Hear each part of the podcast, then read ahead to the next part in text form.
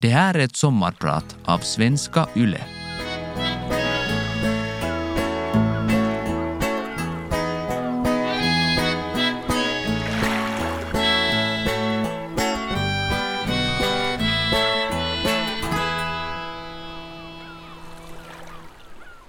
Jag hade aldrig tidigare förstått att man kan vara så livrädd och överlycklig på en och samma gång. Det var den 22 september 2013. Våra tvillingpojkar var två dagar gamla och vi låg i ett eget rum på förlossningsavdelningen på ett sjukhus i Kalifornien, långt borta hemifrån. Pojkarna, min man och jag. Känslorna åkte upp och ner. Det var många nya rutiner som skulle nötas in. Vi kunde inte få nog av att titta på de små liven, våra nyfödda underverk. Allt var så skört, så vackert och så enormt skrämmande på en och samma gång. Det är väl just det som gör lyckan så ofattbart enorm. Att man samtidigt är så rädd för allt. För framtiden, för dem, för sig själv, för oss. Alla som har fått barn känner säkert igen sig. För mig, som i mer än 20 år varit övertygad om att det aldrig skulle hända mig, var det större än själva livet. Det blev några tuffa första dagar utan sömn efter födseln och vår fantastiska sjuksköterska Nina från Brasilien. Hon erbjöd sig att vakta pojkarna över natten så att vi kunde sova några timmar. Vi tog eh, lite motvilligt emot det erbjudandet, Kenneth och jag. Efter tre, fyra timmar vaknade jag. Ser på klockan och inser att pojkarna ska få mat just runt den tiden. Klär på mig och går in på övervakningen. Där står Nina. Hon ger en av sönerna mjölk. Jag tar den andra pojken i famnen och ger honom mat från en flaska. Hon ser på mig, länge. Jag har svårt att uttrycka mig. En liten son i min famn. Han och hans bror får jag vara pappa till resten av mitt liv. Jag ler. Jag vet inte hur jag ska kunna tacka er tillräckligt, säger jag. Hon tittar på mig allvarsfyllt, men vänligt. Tack för att ni har visat oss vad kärlek är. Hennes ögon blir blanka. Mina svämmar över. Om ni bara visste hur många vi tar emot här som inte får den kärleken, säger hon. Vi klarar inte av att säga något mer. Jag gråter. För kärleken och för livet och av tacksamhet. Välkomna med till en timme med snack och musik om längtan. Jag heter Erik André Widsten och jag är din sommarpratare idag. Det är svårt att veta exakt när min längtan började och när den blev nästan outhärdlig. Kanske det var när jag bodde i Göteborg, där jag studerade till skådespelare vid Teater och Operahögskolan. Jag var drygt 20 och hade insett att drömmen om en familj med mamma, pappa och barn dessvärre var en omöjlighet för mig. Fram tills dess hade det varit min största dröm i livet, vid sidan av att bli sångare och skådespelare. Att bli pappa. Få en son eller dotter som med tiden kanske kunde ta över hemgården Vitsten i Fredrikstad i Norge. En släktgård som gått i arv från generation till generation. Farmors far köpte gården av polarfararen Roald Amundsens släkt. Den gick i arv till farmor och farfar och vidare till min far. Men tydligen var jag nu den som skulle bryta den kedjan. För jag var inte som alla andra. Jag skulle inte förälska mig i en vacker kvinna som kunde ge mig den familj som jag så desperat önskade. Gud och alla andra ska veta att jag nog försökte. Det var en stor sorg för mig. Att jag var homosexuell och därför skulle förbli barnlös. I mina svartaste stunder tänkte jag att det nog var bäst både för mig och min familj om jag bara slutar leva. Jag skrev brev på brev. Tårarna suddade skriften där jag satt i min säng i studentlyan i Göteborg. Breven skulle skickas hem till mamma och pappa i Norge. Svart på vitt skulle de få veta att jag gillar killar och att jag inte kunde komma hem igen och ta över gården och skaffa de barnbarn som de säkert väntade på. Jag var för feg för att skicka iväg de breven. Insåg att det var en sak vi måste ta öga mot öga. Innerst inne hoppades jag att det hela skulle gå över. När jag idag ser tillbaka på den här tiden, 40 plus gammal på 2020-talet, känns det som en evighet sen. Så mycket har förändrats till det bättre. På den här tiden var det ännu ovanligt med öppet homosexuella människor. Det här var innan ikoner som Eva Dahlgren och Eva Attling klev ur skåpet. Inte ens Richard Wolff eller Christer Lindarw hade offentligt berättat om sin homosexualitet. Det fanns inga öppet homosexuella presidenter eller ministrar, för att inte tala om allt vanligt folk i städer och byar i Norge eller Finland. Det var bara 20 år efter att sjukdomsstämpeln på homosexuella hade avskaffats. Att vi kunde registrera våra partnerskap, gifta oss eller skaffa barn, det kändes som en total omöjlighet på den tiden. Så fjärran och så avlägset att jag inte ens vågade tänka den tanken. Jag önskar så att jag kunde ta den där 20-åriga gråtande Erik André i min famn och trösta honom och säga att allt kommer bli bra. Till och med tusen gånger bättre än du någonsin kan ana.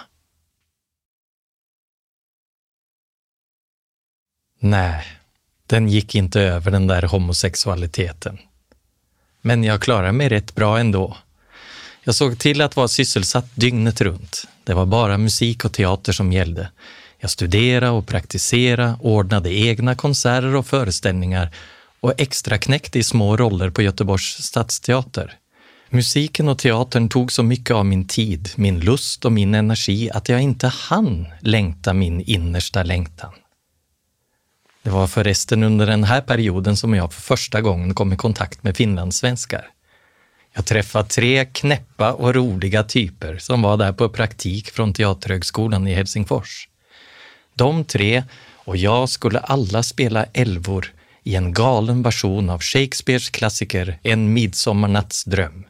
Upphissade 12 meter över scenen skulle vi sitta på varsin liten gunga och vänta på vår grande entré från himlen, klädda i lädermasker och kjolar. Jag har lätt höjdskräck och drog mig lite för det där, men regissören lovade oss att vi skulle hissas upp i luften bara en liten stund innan vår entré. Så blev det förstås inte. Vi satt där högt upp i luften på våra små trapetser i 20 evighetslånga minuter kväll efter kväll. Jag var livrädd. Fint då att få dela den stunden och skräcken med de tre finlandssvenskarna som samtidigt gjorde dundersuccé i Göteborg med sin egen föreställning Tre flygande finländare. Det har gått bra för dem alla. André Wikström blev Finlands mest kända komiker. Jonte Ramsten har gjort succé i a cappella-gruppen Fork och Patrik Henriksen är sedan många år anställd på Svenska Teatern i Helsingfors. Efter att jag blev klar från skolan i Göteborg flyttade jag till Stockholm där jag hade glädjen av att få jobba på den stora, fina, ikoniska Stadsteatern. Det var en dröm jag hade haft sedan barnsben och jag kommer nog aldrig att glömma första dagen jag gick in genom sceningången. Genom samma dörr som mina idoler, Ulla Skog, Viveka Seldal och Helena Bergström. Tänk att jag jobbade där!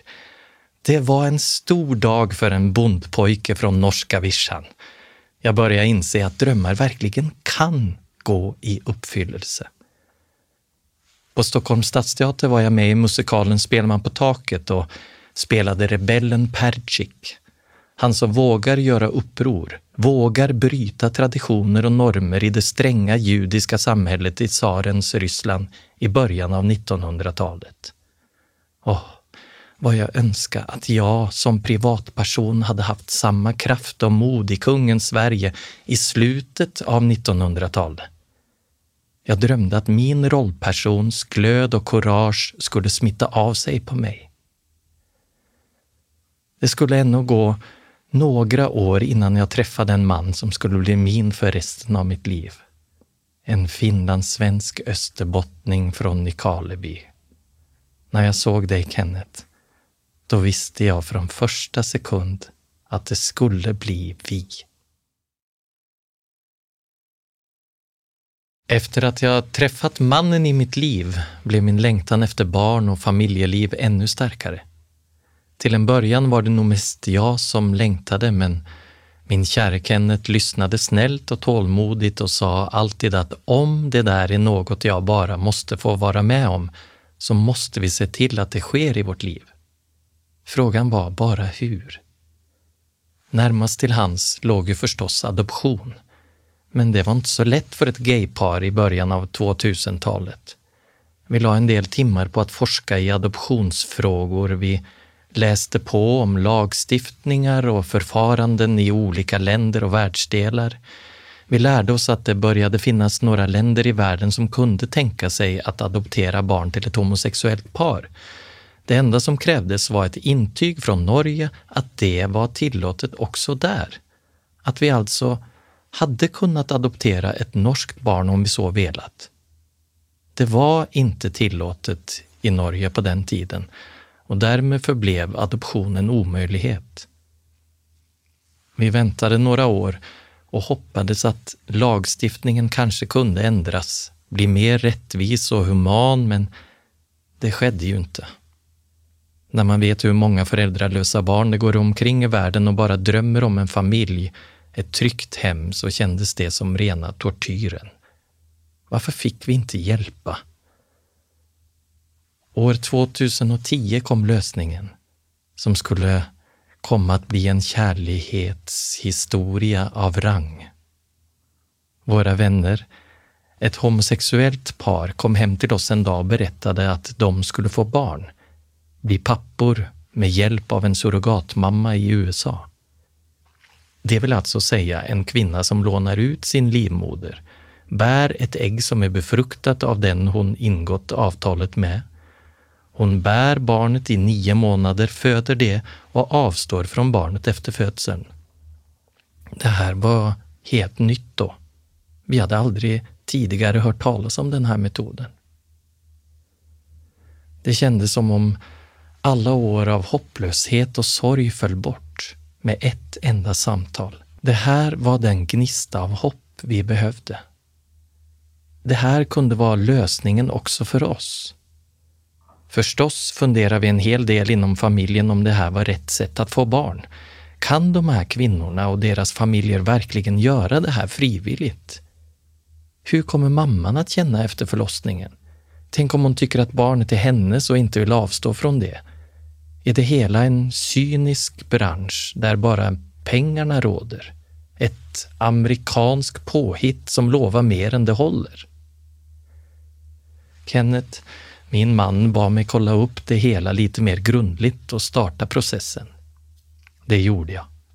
Skickade mejl och avtalade om ett Skype-möte med huvudkontoret CSP på USAs västkust. Vi kom i kontakt med människor som hela vägen ville oss det bästa, som vill barnets bästa och surrogatmammans bästa. Högar av papper och formulär har vi plöjt igenom. Det var ett byråkratiskt papperskrig av otroliga dimensioner både i USA och i Norge. Men hela den stundvis jobbiga processen är helt glömd nu. Redan i samma stund som vi stod där med våra nyfödda barn i famnen. Ingenting kan slå den känslan.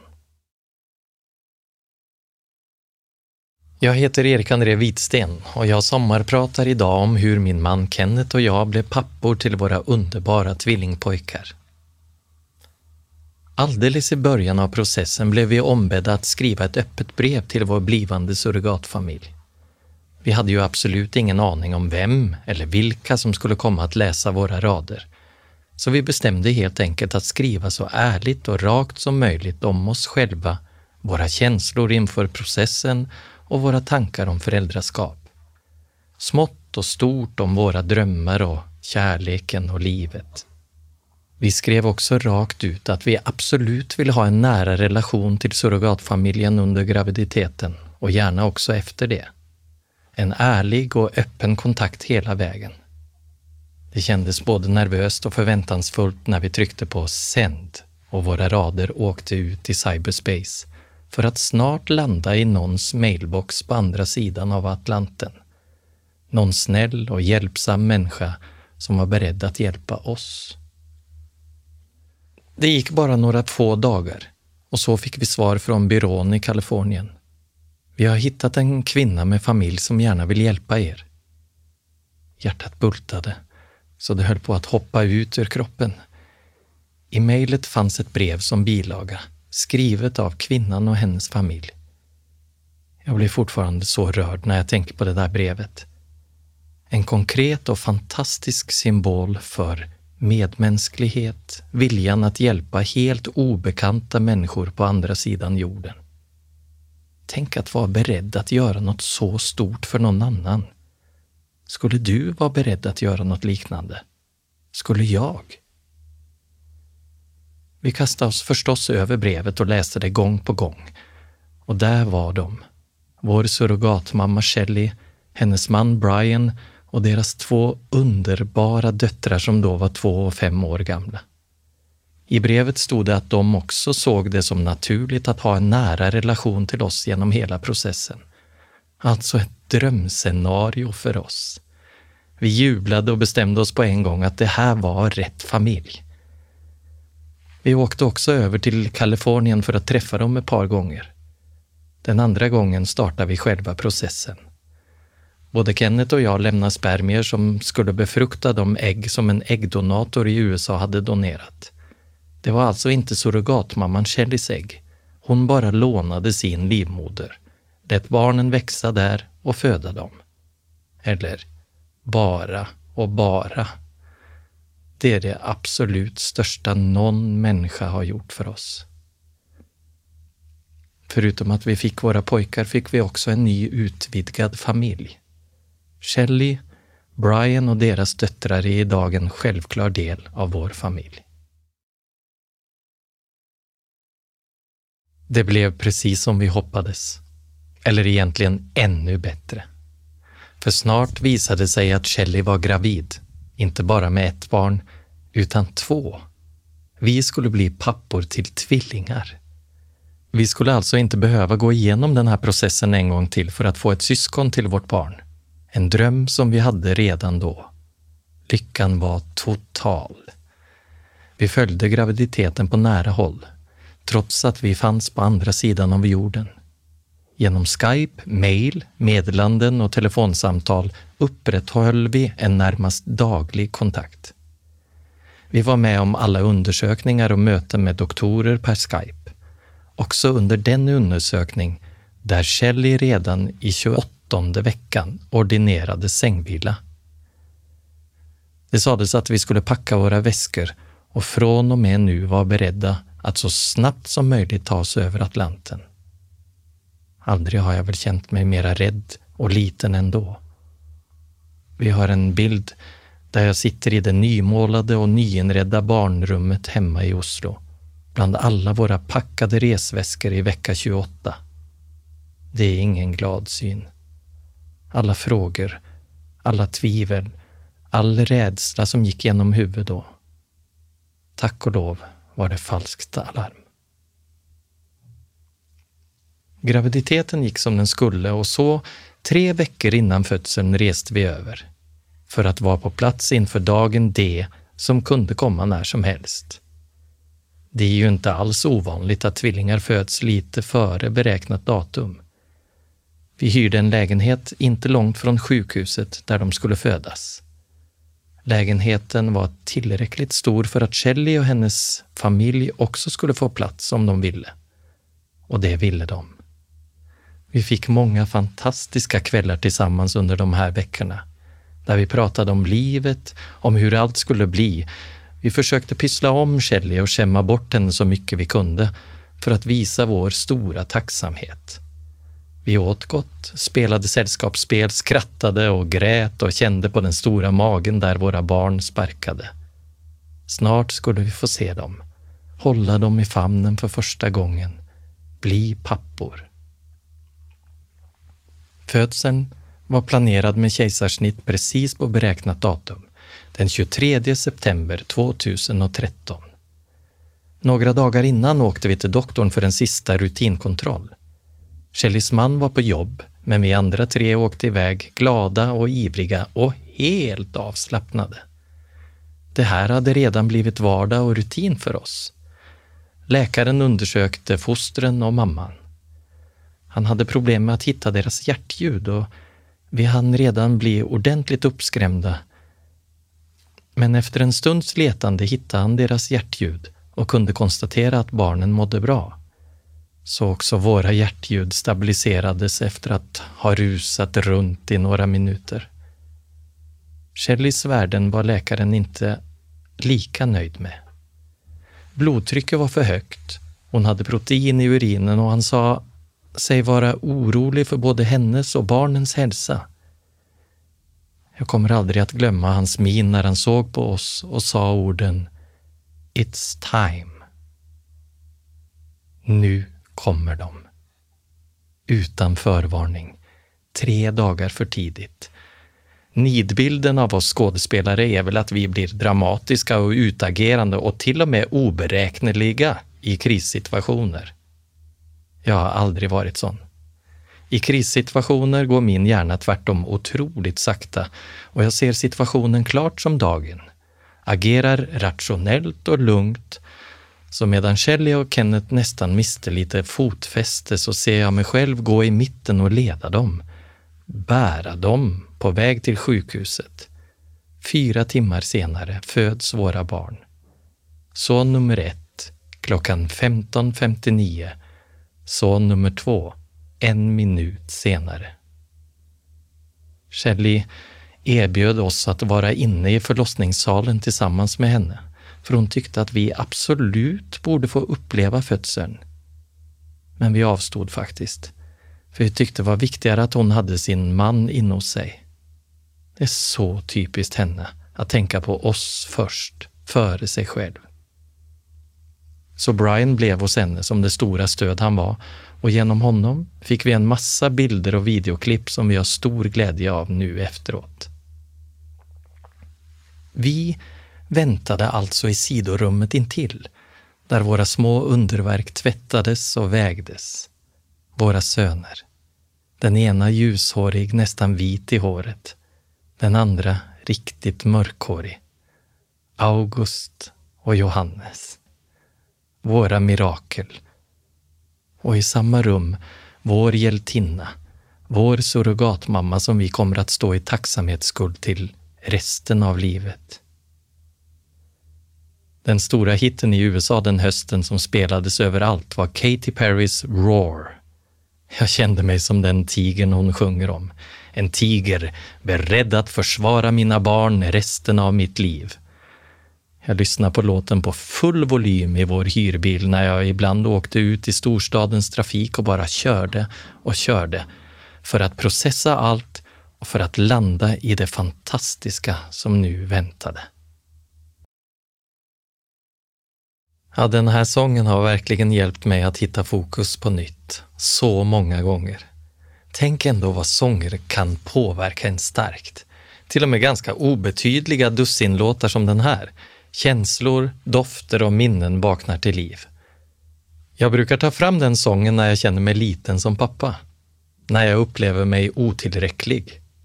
När jag så gärna skulle vilja ge svar på allt de undrar och frågar, men bara är människa med de begränsningar som vi alla har. Det där går säkert alla föräldrar igenom. Eller när barnen gråter och ropar efter en vid grinden när man lämnar den på dagis. Oh, vad det river i hjärtat, eller när man går ut med soporna och glömt att säga att man bara går ut en liten stund och en av dem kommer springande efter en och skriker av rädsla för att man har lämnat dem. Då behöver jag Katy Perrys låt för att hitta min inre tiger igen. Idag är pojkarna sex år gamla, fyller sju i höst. Och eftersom vi börjar skolan redan som sexåringar i Norge betyder det att de nu firar sitt första sommarlov. Det senaste året har alltså varit präglat av skolgång och läxor. Pojkarna har lärt sig läsa och skriva och vi räknar pengar och tallinjer. Vid sidan av skolan så är det förstås lek som gäller. De älskar att umgås med sina vänner och sjunger också båda i kör, vilket förstås gläder mitt sångarhjärta. Pojkarna har fortfarande ett riktigt nära förhållande till Shelley och hennes familj. Vi möts minst en gång om året. Antingen åker vi över till dem eller så kommer Shelley, Brian och döttrarna till oss. De har förstås hälsat på hemma i Norge, men också i vår sommarstuga på Koster utanför Strömstad och i Finland för ett par somrar sedan. De älskade Österbotten och de ljusa sommarnätterna. Pojkarna växlar mellan att kalla Shelley för mamma eller tante, som ju alltså betyder moster eller faster på norska. Och alla kompisar och personal i dagis och nu också i skolan vet vem hon är och att hon har burit dem i sin mage för att pappa och far skulle få dem. Vi har haft så mycket roligt med vår surrogatfamilj. Och oj som vi har skrattat åt anekdoter ur en surrogatfamiljs liv. När Shelly väntade våra pojkar var hon en dag ute på promenad med sina döttrar. De mötte en annan gravid kvinna och Shellys döttrar frågade henne Vems barn har du i din mage? Den stackars kvinnan såg helt förvånad ut. Men för Shelleys döttrar var det ingen konstig fråga. Shelley har nämligen hjälpt fler barnlösa familjer att få barn. Så hennes döttrar är vana vid att det inte alltid är ens egna barn man bär när man är gravid. Och Brian, hennes man, han har flera gånger fått frågan av sina arbetskamrater är din fru gravid igen? Ja, brukar han säga. Men det är inte mitt barn. Han älskar minen han får till svar av de som inte känner till detaljerna. Vår process har förstås väckt en hel del frågor och vi har alltid försökt att svara så ärligt och öppet som möjligt, face to face. Ändå har jag ytterst sällan valt att tala om det här i intervjuer. Det kan så lätt bli fel missförstånd av olika slag. Men här i mitt sommarprat känns det fint att berätta om hur allt gick till. Jag hoppas att vår berättelse kanske kan ingjuta hopp i någon som nästan håller på att längta ihjäl sig, så som vi. Den vanligaste frågan vi fått genom åren och den som vi själva också funderat mest på är hur kan man som kvinna bära fram ett barn som inte blir ens eget? Vi låter Shelley svara på den frågan med egna ord. Så här säger hon. Det är inte mina barn. Det har aldrig varit så. Inte ens när de låg i magen så tänkte jag att barnen var mina. Jag bär dem i magen för att det är era barn. En fin tanke som vi ännu idag har så svårt att ta in. Vidare säger hon, jag ville göra något själviskt i mitt liv. Jag ville göra något som jag kan. Jag kan bära fram barn. Jag älskar känslan av att vara gravid. Och eftersom jag kan hjälpa, varför skulle jag inte kunna unna någon att få uppleva det största som finns i livet, att bli förälder? Idag jobbar vår hjältinna inom en organisation som gör det enklare för barnlösa pappor att få hjälp. Hon har vikt hela sitt liv till den här kärleksfulla saken. Hennes man Brian sade efter förlossningen att han nästan kände lite ont samvete för att han inte hade några känslor för barnen som kom ut ur hennes mage. De var ju inte mina, sa han. Jag var bara glad för att de skulle till er och inte till mig.